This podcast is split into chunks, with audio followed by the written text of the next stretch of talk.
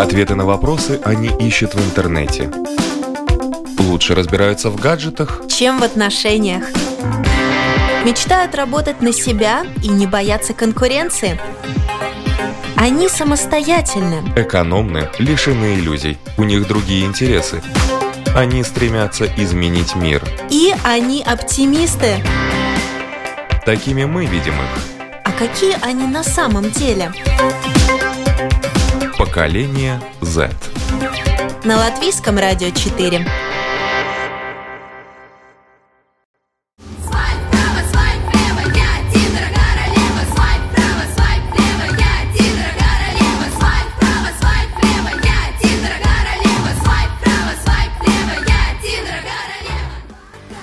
Была группа Kiss. Ну, а в эфире программы «Поколение Z» у микрофона Марина Талапина, режиссер программы Даниэль Йофф и звукооператор Рейнис Будзе. Рядом со мной ведущая, которая помогает мне сегодня вести эту программу, Светлана Кулакова. Здрасте. А мы сегодня такие красные и такие красивые, и студия у нас сегодня украшена потому что... Тема нашей сегодняшней программы «Влюбленные в сетях».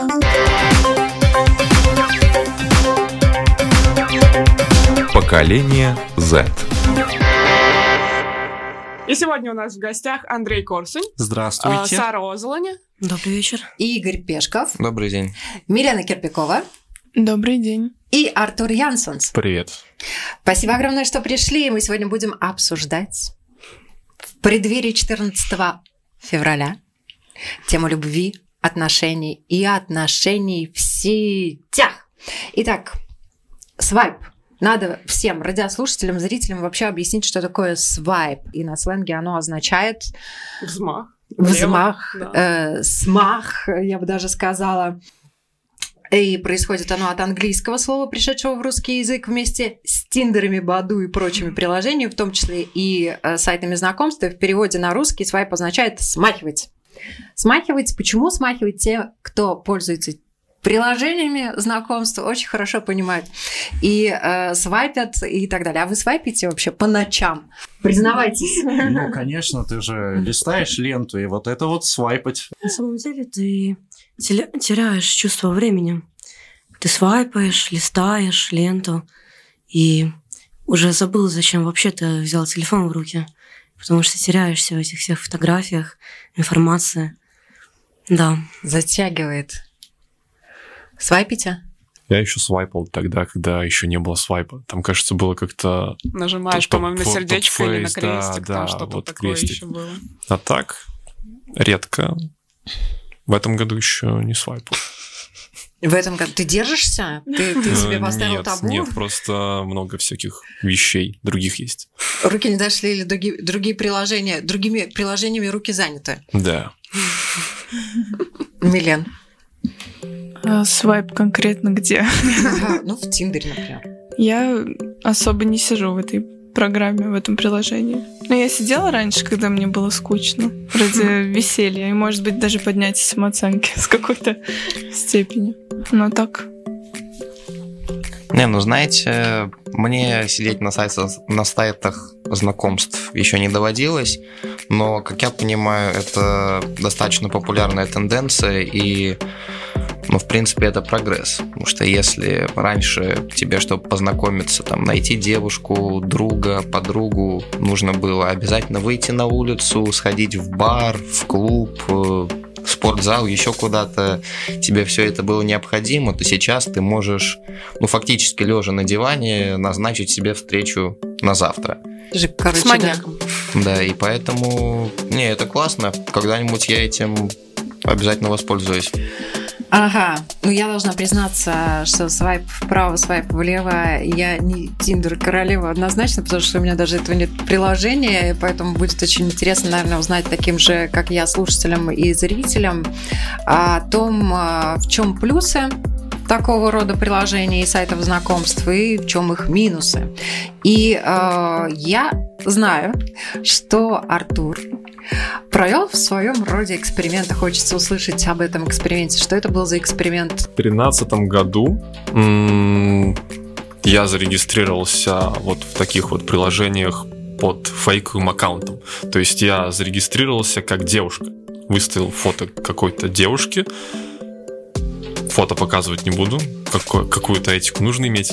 Ну, вдруг это знакомый кого-то знакомого и так далее. И просто смотрел, что мне пишут парни. Я не ожидал от того, что я увижу. То есть ты, по сути, зарегистрировался, отходишь на 40 минут, возвращаешься, и там уже 100 сообщений, э, тысяча лайков, и ты просто не можешь это все прочитать вообще никак. Ты был популярной девушкой. Э, Я ставил, очень я ставил обычные, обычные фотографии. То есть э, без какой-то пошлоты. да, да, да. То есть абсолютно нормально.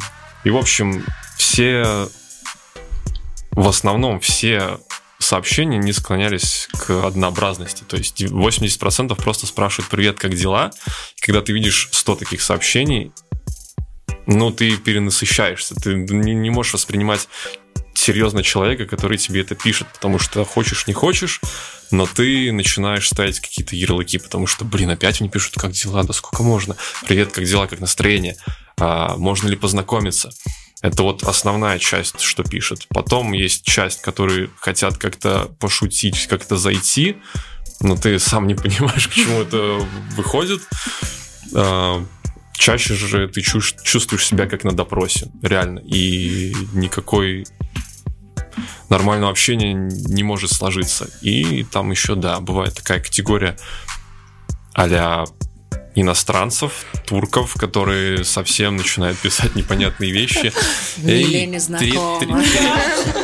3000 долларов, приезжай. Ну, что-то, грубо говоря, такое. Ты понимаешь, как девушкам тяжело в социальных ну, сетях Я сразу понял, это было, это был огромный опыт, потому что я как раз таки, почему причина, почему я зарегистрировался там, я как раз вот случайно познакомился на Фейсбуке с девушкой, и поскольку я учился в Дании, я понимал, что, ну, ближайшие полгода мы точно не встретимся. И у меня была какая-то мысль, что бы мне писать или как не показаться глупым, не знаю чтобы диалог не зашел в тупик, потому что до первой встречи ты, по сути, видишь только текст.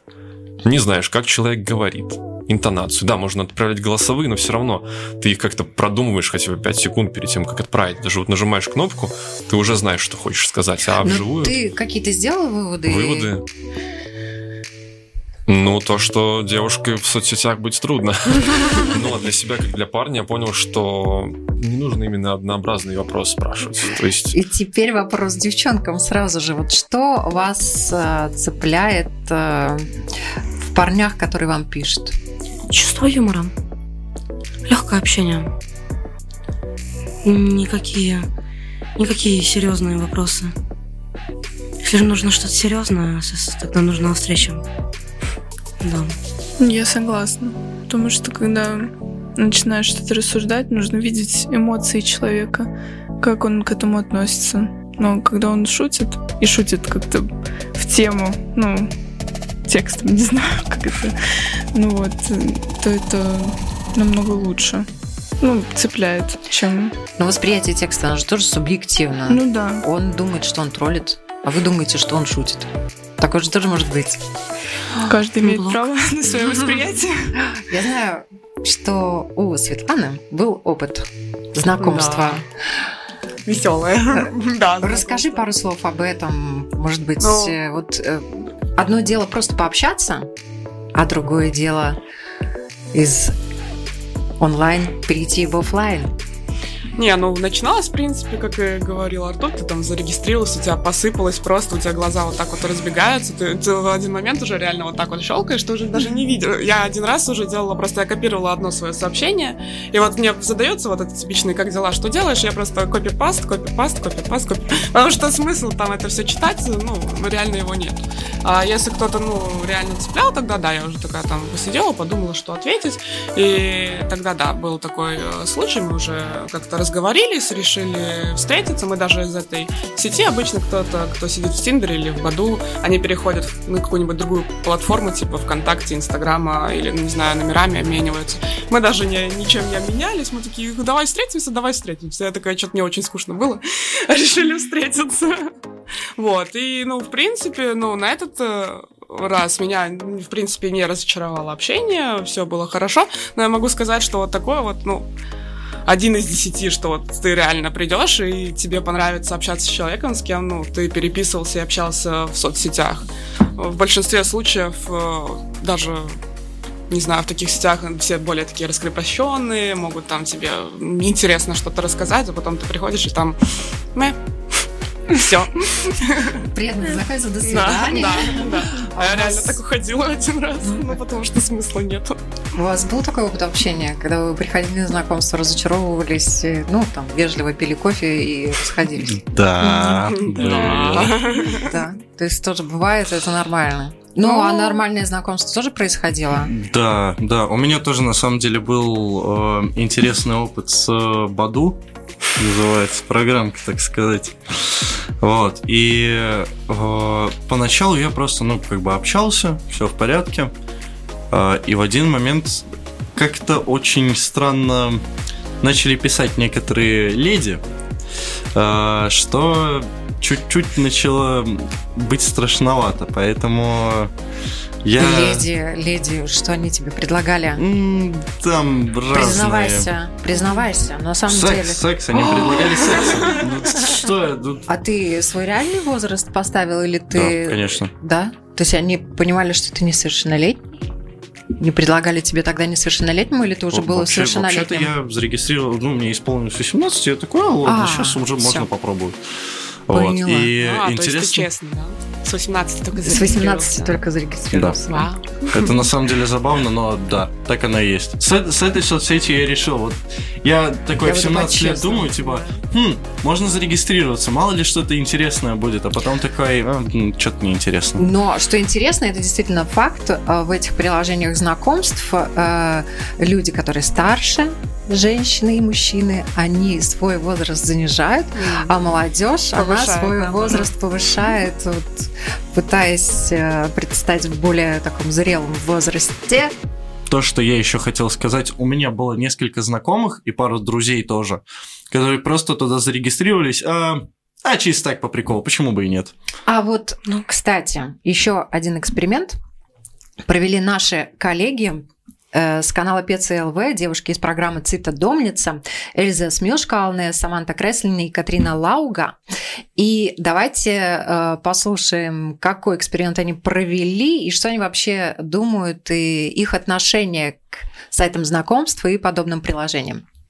Да, мы создали как бы фейк-аккаунт э, и задали, задавали людям вопрос, ну, парням в Тиндер э, насчет разных данных, где они живет, какой, какой у них номер, там домашнее животное, то есть данные, которые потом можно использовать против них, чтобы попасть в их там соцсетях или даже банковских аккаунтов.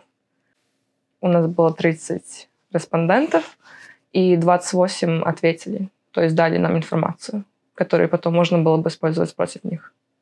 Но вы э, представляли в фейк-аккаунтах девчонок, да? То есть... своими фотографиями или... Э, нет, мы брали из интернета фотографии. Да, там не было ни одной информации, ну, насчет нас, на которой было бы настоящее. То есть там было просто имя, возраст и фотографии, которые не наши. То есть вот и все. Это все, что нужно, чтобы получить информацию. Какие вопросы были? Вы Там, я не знаю, вы знакомились сначала, просто пытались пообщаться или сразу начинали задавать вопросы? Полностью сразу пошли что вопросы. То есть, например, ну, если хочем типа, встретиться, тогда, может, назови свой адрес, мы подъедем, телефон номером, или нравится ли тебе животное, какое твое животное имя, и так вот, какое у тебя была кличка в детстве. Ну, такие вопросы там. А как а, закончили эксперимент, потом уже не заходили туда? Нет, мы даже там ну, не от- Закрыли аккаунт или... Просто закрыли аккаунт и все. То есть люди дали информацию и все. Мы, конечно, нигде не использовали ее. Но да, закрывали аккаунт и все. Ну, это быстрый и легкий способ, чтобы ну, познакомиться с другими людьми. Именно больше однос- одноразовые отношения, чтобы были бы. Потому что быстро легко. Ну, Тебе тоже там нужно только свое имя написать и возраст, в принципе, все, ты можешь зарегистрироваться. Развитие этих социальных сетей. Это сайты и приложения в телефоне однодневки или у них есть будущее? Или это вот такая форма общения вообще в будущем? Я думаю, что есть будущее, да, потому что еще больше молодежи, они хотят, чтобы было быстрее, было бы легче. И что может быть легче, чем зайти в телефоне и просто направо или налево человека свайпнуть, и все. Я думаю, что в современном мире нет разницы, где ты знакомишься. Я знаю достаточно много людей, которые познакомились, к примеру, на платформе Instagram или Facebook. И, по-моему, нет никакой разницы, что ты используешь, чтобы познакомиться с кем-то. Конечно, надо быть очень внимательными со своими личными данными. Думаю, сейчас нет разницы, где ты знакомишься, пусть даже в какой-то кафешке или на сайте. Главное, что можешь найти этого человека. В наши дни люди проводят много времени в телефонах. Это значит, что есть больше возможностей, что можно познакомиться с кем-то через телефонное приложение, нежели сидя в кафе. Сколько к тебе там может подойти людей? Iepazīšanās vairs tā Знакомства, когда ты выходишь куда-то, больше не актуальны. В то же время такое приложение, как Tinder, теряет свое значение, потому что все больше людей используют его просто от нечего делать. Я посижу, посвайплю. Мне кажется, что это уже как зубы почистить. Это уже не так, как раньше, когда люди действительно знакомились. Сейчас в Тиндере сидят ради встреч на одну ночь или чтобы как-то по-другому использовать человека. Ты видишь человека только на фотографиях и зачастую даже не знаешь, эти фото на самом деле его или нет. Допустим, ты выставил фотографию с доской для серфинга и идешь на свидание. На свидании тебя парень спрашивает, ты серфишь, катаешься на серфе? А ты нет, не катаюсь, это просто фото. Многие врут о своем возрасте. Поэтому надо быть очень внимательным не только в Тиндере, но и вообще в интернет-среде. Есть очень много случаев, когда люди выдают себя за других или приукрашивают свои достоинства, достижения. Особенно важно быть осторожным, когда ты еще несовершеннолетний. В любом случае, в знакомствах в интернете нет ничего плохого. Сейчас, когда все происходит в интернет-среде, когда общаешься с людьми, которые живут или находятся в совершенно другой стране и даже не знакомы, и находят себе друзей таким образом. Конечно, везде есть риск, но по большому счету я думаю, что нет разницы, где ты знакомишься.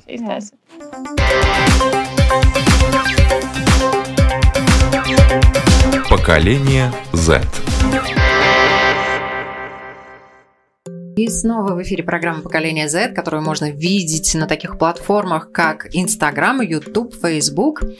И э, программа, посвященная 14 февраля, Дню всех влюбленных, отношениям и любви. Также вы можете увидеть и у наших коллег э, в программе «Цита Домница» э, сегодня в 19.30 на канале ПЦЛВ. Ну, а мы продолжаем. Да, и, собственно, созревает такой э, вопрос для вас. Такие вот сайты знакомств, это больше как положительное что-то или отрицательное? Может, там что-то опасное для вас есть? Ну, или вы считаете, там, в принципе, небезопасно сидеть? Ну, если ты имеешь, э, извините, мозг, я думаю, все безопасно. Я соглашусь, потому что как ты используешь уже это приложение, это твое дело. Ну и как бы если у тебя есть опять же голова на плечах, то... Ну а если очень умный маньяк? Хм. Вы же выходили на связь с этими людьми в офлайн, да? То есть вы встречались с этими людьми и гарантии того, что они действительно, ну, не попробуют там девушку соблазнить, заманить или молодого человека обокрасть. Такой сделать. здоровый. Никаких нет. Не, ну да, Маньяки гарантия... все выглядят очень очаровательными, как правило. Да, но опять же, как бы тогда ты просто должен, ну, проверять по-другому человека. Значит, это можно созвониться. Есть других много приложений. Опять же, в WhatsApp есть видеозвонок.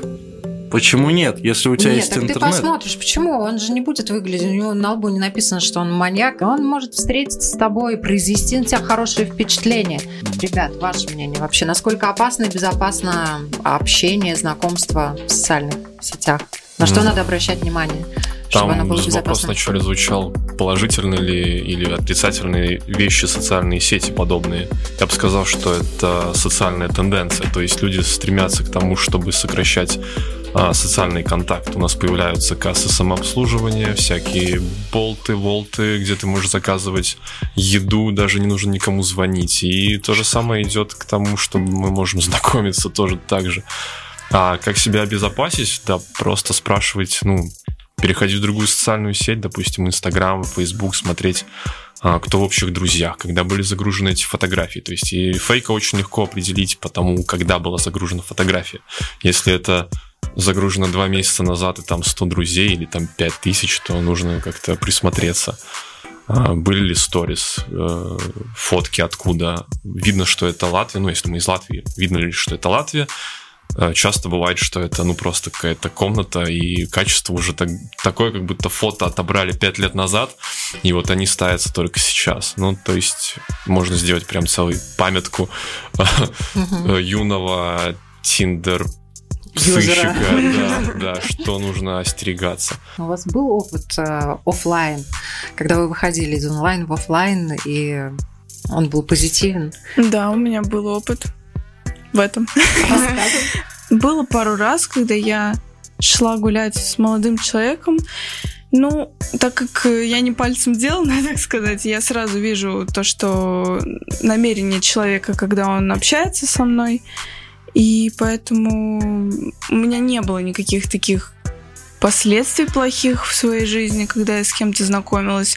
Потому что когда я куда-то иду, я всегда говорю кому-то, где я нахожусь. И ну, всегда договариваюсь с каким-то близким человеком, а то и даже не с одним близким человеком о том, что ну, что, что будет, если там что-то произойдет, да, да. чтобы- Ну, то есть а я... были какие-то опасные ситуации? Нет, не было в моей жизни опасных ситуаций Слава таких. Ну, я не помню.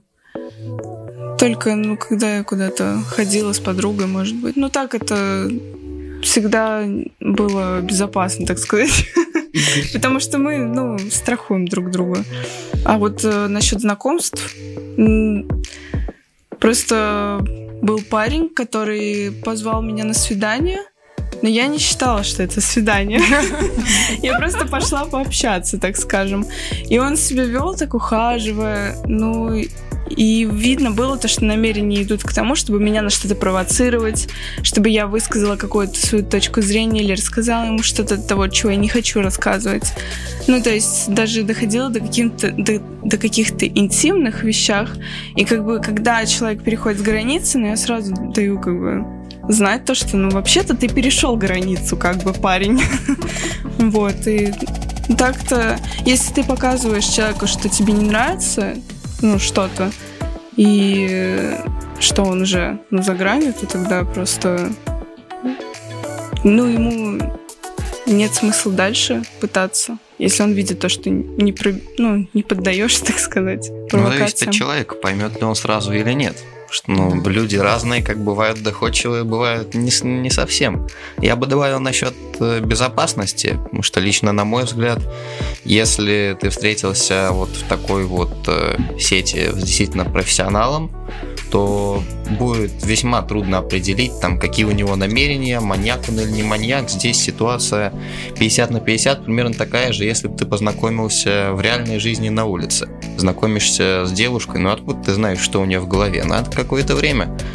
Поэтому, ну, безопасность, конечно, 50 на 50, но это зависит тоже от того, для чего люди используют эту сеть. Если, ну, все же, ну, тот же самый случай, там просто посидеть, как бы получить удовольствие, время, много времени как-то провести, это да, но если намерения серьезные, то А мы сейчас узнаем. Мы серьезно подошли к этой теме. Мы провели опрос, что думают люди о сайтах знакомств, о такого рода приложениях э, и зачем там регистрируются.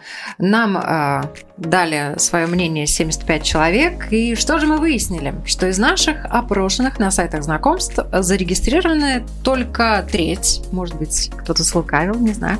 Э, 20% почему-то к подобным приложениям и сайтам относятся вообще плохо. А половина опрошенных уверена, что это неплохой способ провести время.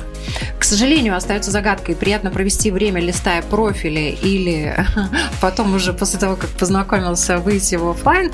И э, каждый шестой считает, что это пустая трата времени, да. И что интересно, треть опрошенных молодых людей уверена, что подобные сайты и приложения вообще идеальное место для знакомства. Идеальное. Вот. Никуда ходить не надо. Сидеть можно на диване, попу отращивать и знакомиться, знакомиться, знакомиться и еду заказывать. И Тогда фотографии постоянно обновлять тоже надо. Ну, то есть, До типа, после, вот да? сегодня, да, Вот типа, сегодня я, да. зарегистрировалась в Баду. Какая я сегодня, через пару лет там просто бу. Да. Никуда не выхожу. И на вопрос, с какой целью вы зарегистрировались на сайте знакомств, поступили следующие ответы. Найти любовь, отношения, найти мужчину своей мечты, общение, секс, семья, познакомиться с новыми людьми ради интереса, for fun. Когда-то мне было скучно и захотелось поднять самооценку. Веселье, чтобы знакомиться с местными, когда путешествуешь в других э, странах. Просто так. Если бы мне было 18, то зарегистрировалась бы для того, чтобы получить опыт общения с противоположным полом. Вот, и нехватка общения тоже также подчеркивается ребятами. Вообще хотели посмотреть, кто там сидит и зачем, как это все устроено. А потом одна а, молодая девушка написала, что был сайт для изучения языков, потом пошло-поехало, отношения, ну, все получилось как-то случайно. Также были такие ответы, чтобы найти себе папика. А, Поверить в чудо. To find my love.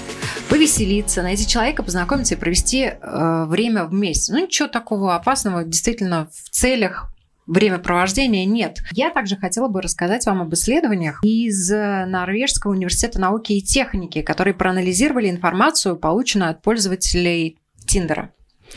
И вот что они выяснили. Тиндер не особо эффективен для поиска партнера на одну ночь, ради чего он, собственно говоря, был создан. Да? Вот. Это уже потом в разных странах его по-разному стали использовать, что интересно на сегодняшний день. В разных странах к нему по-разному относятся. Есть страны, в которых э, к нему относятся как фу, а есть страны, вот как Латвия, в Латвии достаточно позитивно э, к этому приложению относятся. Также, используя данные своего нового исследования, авторы подсчитали, что в среднем пользователю требуется около 57 совпадений для одной встречи с потенциальным партнером. Вот. И Tinder, согласно исследованию компании Annie, попал в тройку мировых приложений, на которые пользователи потратили больше всего денег в ушедшем десятилетии. Там что, за каждый свайп платить надо? Нет, там типа определенное количество свайпов, и если ты дальше хочешь Да, вот так вот сидеть, если ты просто- хочешь э, Да. видеть не в радиусе 90 километров, а дальше тебе тоже надо платить. То есть Ну там да, есть там платные какие-то- услуги. Но это вот тот момент, когда человек вот все-таки решает Да, подняться не с дивана и поискать девушку Нет. на улице. Э, Если бы он хотел на улице поискать, он бы пошел на улицу, а не платил бы в приложение, чтобы дальше сидеть и свайпать как бы. Было, наверное, пять опытов, когда дамы, слегка подвыпившие, подходят к барной стойке. И сами тебя находят. И ты начинаешь с ними постепенно общаться, и в итоге вы уже обмениваетесь телефонами, в итоге вы уже через пару дней встречаетесь просто на улице, общаетесь, общаетесь, ну и иногда это просто выходит на то, что типа, ну мы можем просто пообщаться, но вот сейчас это вышло на чуть-чуть другой, более приятный уровень. Ну, как бы, я не отрицаю того, что сейчас уже можно использовать такие, как приложения специальные для знакомств. Но все же, когда ты видишь в реальной жизни человека, вряд ли человек сможет сделать себе настолько крутую маску, как вот эта вот фотография. Я богиня. Или что-нибудь такое. Вот в реальной жизни человек, какой он есть, такой он есть. Сара, ты тоже Я хотела бы? считаю, что любовь вообще искать не нужно. Нужно заниматься собой. Вот что-что, но любовь, она сама придет. Вот ты занимаешься собой и притягиваешь похожее. Но согласитесь, даже вот по статистике 57 э, раз свайпнул, если совпало, да, ну тебе подошло только две женщины там за вечер, допустим, да, к стойке познакомились лично. Там, ну, то есть в реальной жизни такого количества людей через фотографии просто на тебя не высыпется, да, которые тебя там лайкнули, которым ты понравилась, которые, которые тебе понравились. Тут э, упрощение идет поиска, что ли, партнеров. Ну вот у меня есть история, например. что, скажем так, что моя подруга познакомилась с мужчиной в Тиндере. У них а, были отношения. На данный момент она беременна. А мне нужен ребенок. У нее начался третий месяц сейчас. Она совершеннолетняя девочка? Да. То, что касается такой ситуации, она печальна. Она печальна, но это не единичные случаи, да? Конечно. И тут надо думать заранее, и об этом, наверное, надо больше говорить. Спасибо большое, что ты рассказала, потому что лишний раз те, кто нас слышит, может быть, задумаются о том, э, ну, к чему могут привести отношения. Неважно, где люди познакомились, да? Да. Вопрос, чем они могут закончиться и насколько э, люди готовы рисковать и своим здоровьем, своим организмом, своей жизнью, своей судьбой. Включая мозг. Включая мозг. Темы вообще сайтов знакомств э, беспокоит и интересует не только э, простых смертных, но и медиков. У нас есть мнение э, доктора, дерматовенеролога, первой рижской городской больницы Алексея Принципа. И вот что он нам поведал. Давайте послушаем. То, что я знаю о э, вовлечении, скажем так, вот интернета в этот вопрос, это в первую очередь от коллег-венерологов да, с последних с последнего конгресса против заболеваний, передающихся половым путем.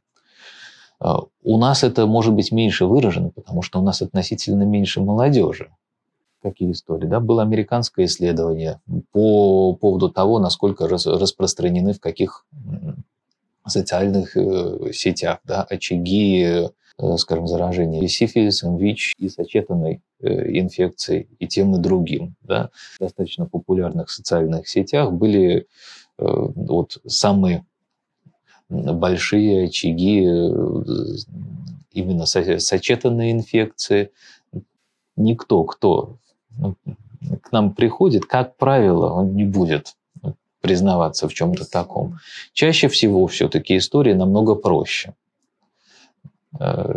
Это или одноразовые анонимные связи, да, и, и в принципе в данном случае без разницы люди познакомились в социальной сети или в клубе.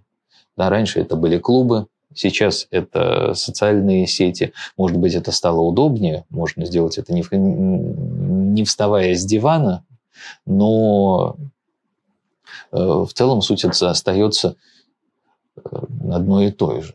Да, заболевания, передающиеся половым путем, и это давно всем известно.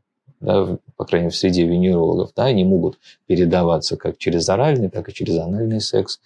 И распространение таким инфе... таких инфекций, например, оральным путем, иногда есть мнение, что недооценивается.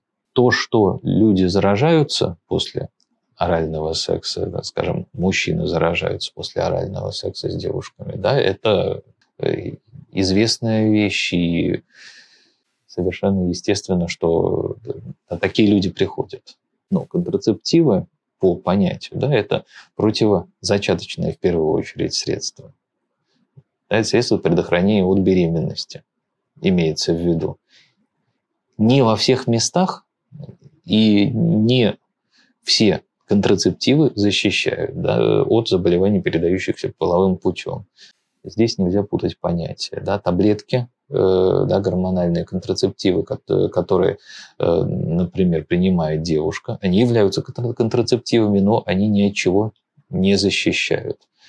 Э, точно так же специфические барьерные методы, которые, скажем, это или презерватив, или диафрагма, или специальный презерватив для орального секса, как оказалось, они существуют, тоже могут Э, защищать только в тех местах, в которых, э, скажем так, они предохраняют, в которых, в котором есть этот барьер. Молодежи свойственно спешить и действовать на авось, на основе своих эмоций.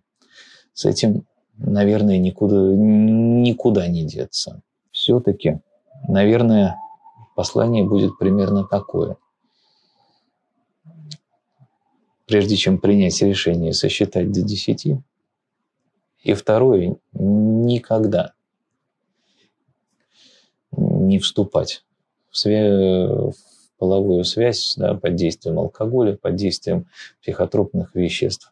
Потому что, скорее всего, вы неверно оцените риск, и даже если у вас есть средства контрацепции, вы ими неверно воспользуетесь.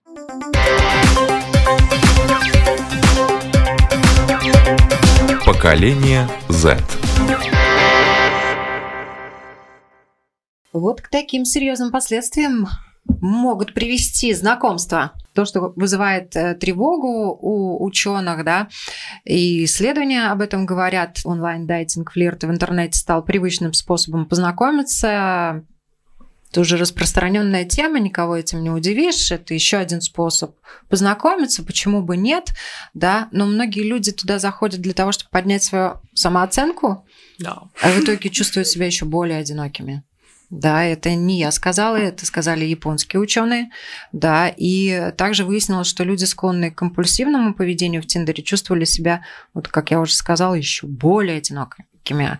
Однако они продолжали свайпить других в надежде с кем-то сблизиться и быстро привязывались вообще к приложению, подсаживались на это приложение, и в итоге их жизнь э, превращалась в свайп, свайп, свайп.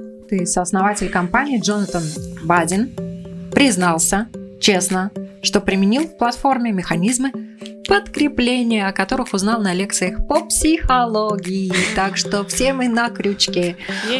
Да, спасибо психологам, что они изучают нас. Вот э, на самом деле вы чувствуете себя на крючке, когда вот подсаживаетесь на такого рода приложения? Ну, но мне, лично мне кажется, что я нет, но я их скачиваю реально вот раз в год по приколу на один день, вот реально вот так поделать, и потом мне становится скучно, потому что я как бы каждый год одно и то же, это новое, реально ничего не увижу. Это вот реально, как было сказано, потешить свое самолюбие, так сказать, повысить свою, не знаю, самооценку, хотя мне кажется, люди, которые там регистрируются, и если у них и так самооценка ниже плинтуса, ее не поднимешь ни одним там сайтом знакомств, сколько- бы ни писали, что вот там давай встретиться, ты красивая, еще что-нибудь, но тебе все равно будет казаться, что что-то с тобой не так, ну, как бы не крути, и там сколько бы чего не было.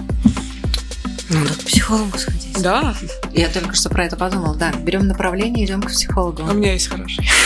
Я бы сказал, что Тиндер для девушек и Тиндер для парней это две разные вещи. То есть за девушку ты заходишь, и ты просто, вот, допустим, этого парня свайпнул вправо, и сто процентов будет лайк. Ну, Да. скорее всего. И сразу начинается переписка. Есть многие... Ну, молодых людей ниже самооценка, что ли? Нет, э, мы пе- первоначально мы глазами видим, а там уже как, как получится. Вот. И когда ты, когда ты сидишь за парня, ты вот, о, эта девушка понравилась. И ты не дождешься, скорее всего, обратного. Взаимности, потому что она, возможно, тебя даже просто не увидит, потому что она уже засыпана кучей сообщений, кучей сердец, и она просто, я его не могу найти, даже не знает, что ты существуешь. Хотя, возможно, вы даже могли быть идеальной парой. То есть тут реально есть азарт, и реально вот тебе просто может повести. Милен, согласна? Согласна. Ох, а, вообще, на самом деле, вот ваше мнение, ухаживания как таковые, и это сегодня уже и в будущем рудимент такой эволюции? Или они останутся? Ухаживание? Да. Конечно, останутся. Люди, которые, ну, действительно эмоциональные, им, им нужны именно эмоции. Да. Нужна Ес- драма. Такие ес- еще есть. Естественно, Да, останутся. эмоции, эмоджи тоже можно посылать тоже. Нет, конечно, ну типа эмоджи это на крайний случай. Но действительно, ухаживание это очень важная часть, как мне кажется, отношений. Без ухаживания хрен ты сделаешь нормальные крепкие отношения. Вот. Ну, запикаем. Ну да, это... Это важно. Ох, а, ну вот а, верно ли утверждение, ко- которое также и врач обозначил, э, сейчас все хотят какой-то быстрой истории? Честно, честно говоря, вот было пару раз просто вот я то, что... Опять же, отвечу на вопрос по поводу того, что э, подсаживаться, подсаживался ли, э, к примеру, я вот на эти приложения. Я их скачал дважды, Я их так, я посидел в них, мне кажется, 5 часов, и все, я такой, «М, до свидания. Ну, на самом деле, Ну, приложение, про скучно. которое мы говорили, оно действительно входит в тройку, и огромное количество денег там тратится, соответственно, люди там сидят по полной программе, кто-то признается, кто-то не признается, но это так и есть. Насколько вообще легко вам знакомиться? Потому что говорят, что ваше поколение, которое выросло в сети, которое родилось с мышкой в руках, а в офлайн, в живой жизни сложнее общается, гораздо проще общаться через интернет. Так это не так. А, да, спасибо. Ну, мне знакомиться довольно-таки просто. То есть, если я хочу узнать человека, я просто беру и узнаю. Задаю вопросы, там, которые меня интересуют. Общаюсь. Онлайн или офлайн? А, Оффлайн. Мне не нравится онлайн знакомиться, по сути, потому что я люблю смотреть на человека, ну, изучать все его черты лица, там, не знаю, эмоции, мимику, жестикуляцию и тембр голоса слышать. Ну, то есть все в деталях. Мне хочется видеть вот эту картинку и ну, вживую общаться, а не просто смотреть на фоточки и представлять себе что-то, визуализировать, там розовые очки одевать, насчет какой он может быть, этот человек. Ну, мне кажется, неправильно. Но насколько это легко? Легче в социальных сетях или сложнее? Или легче в живой жизни, или сложнее? Мне легче Тебе в жизни. Да? Да. Ну, Всем ли легче в жизни?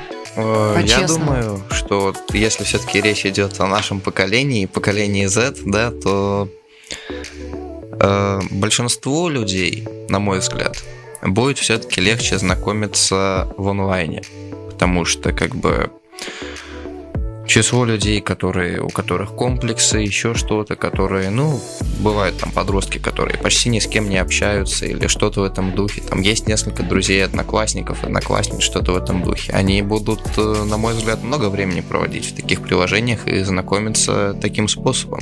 Так что, в принципе, это перспективное дело, сайты приложения знакомств.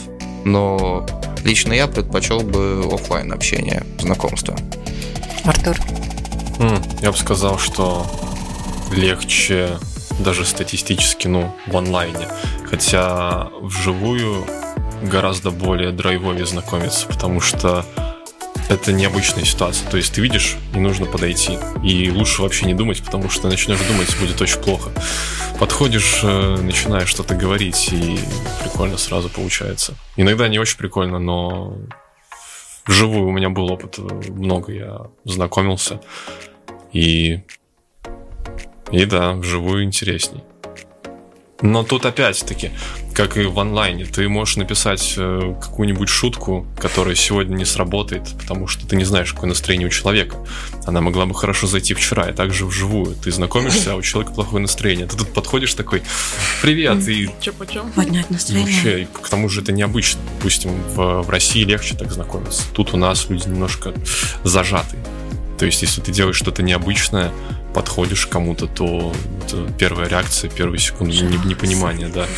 А еще если в публичных местах, так вообще, ну, в публичных не в плане там бар в пятницу, а в транспорте, например, ну, это вообще, мне кажется, для некоторых людей непосильная ноша. Начать говорить, еще так с кем-то знакомиться, что делать вообще.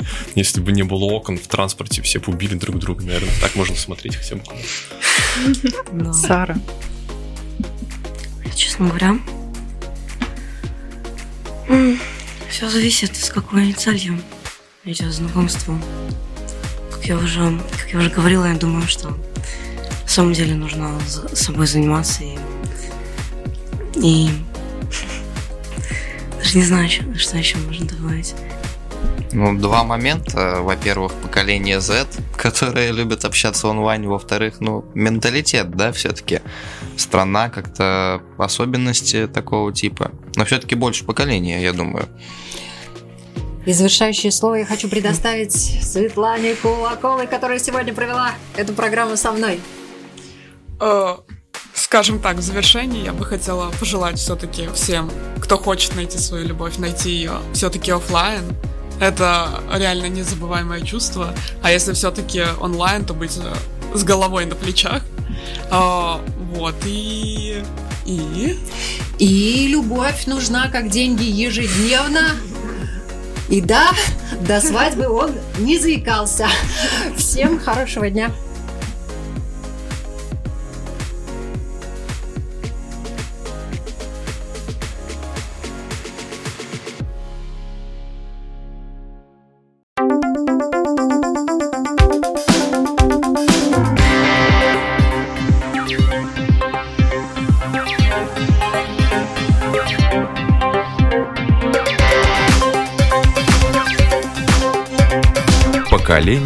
Z.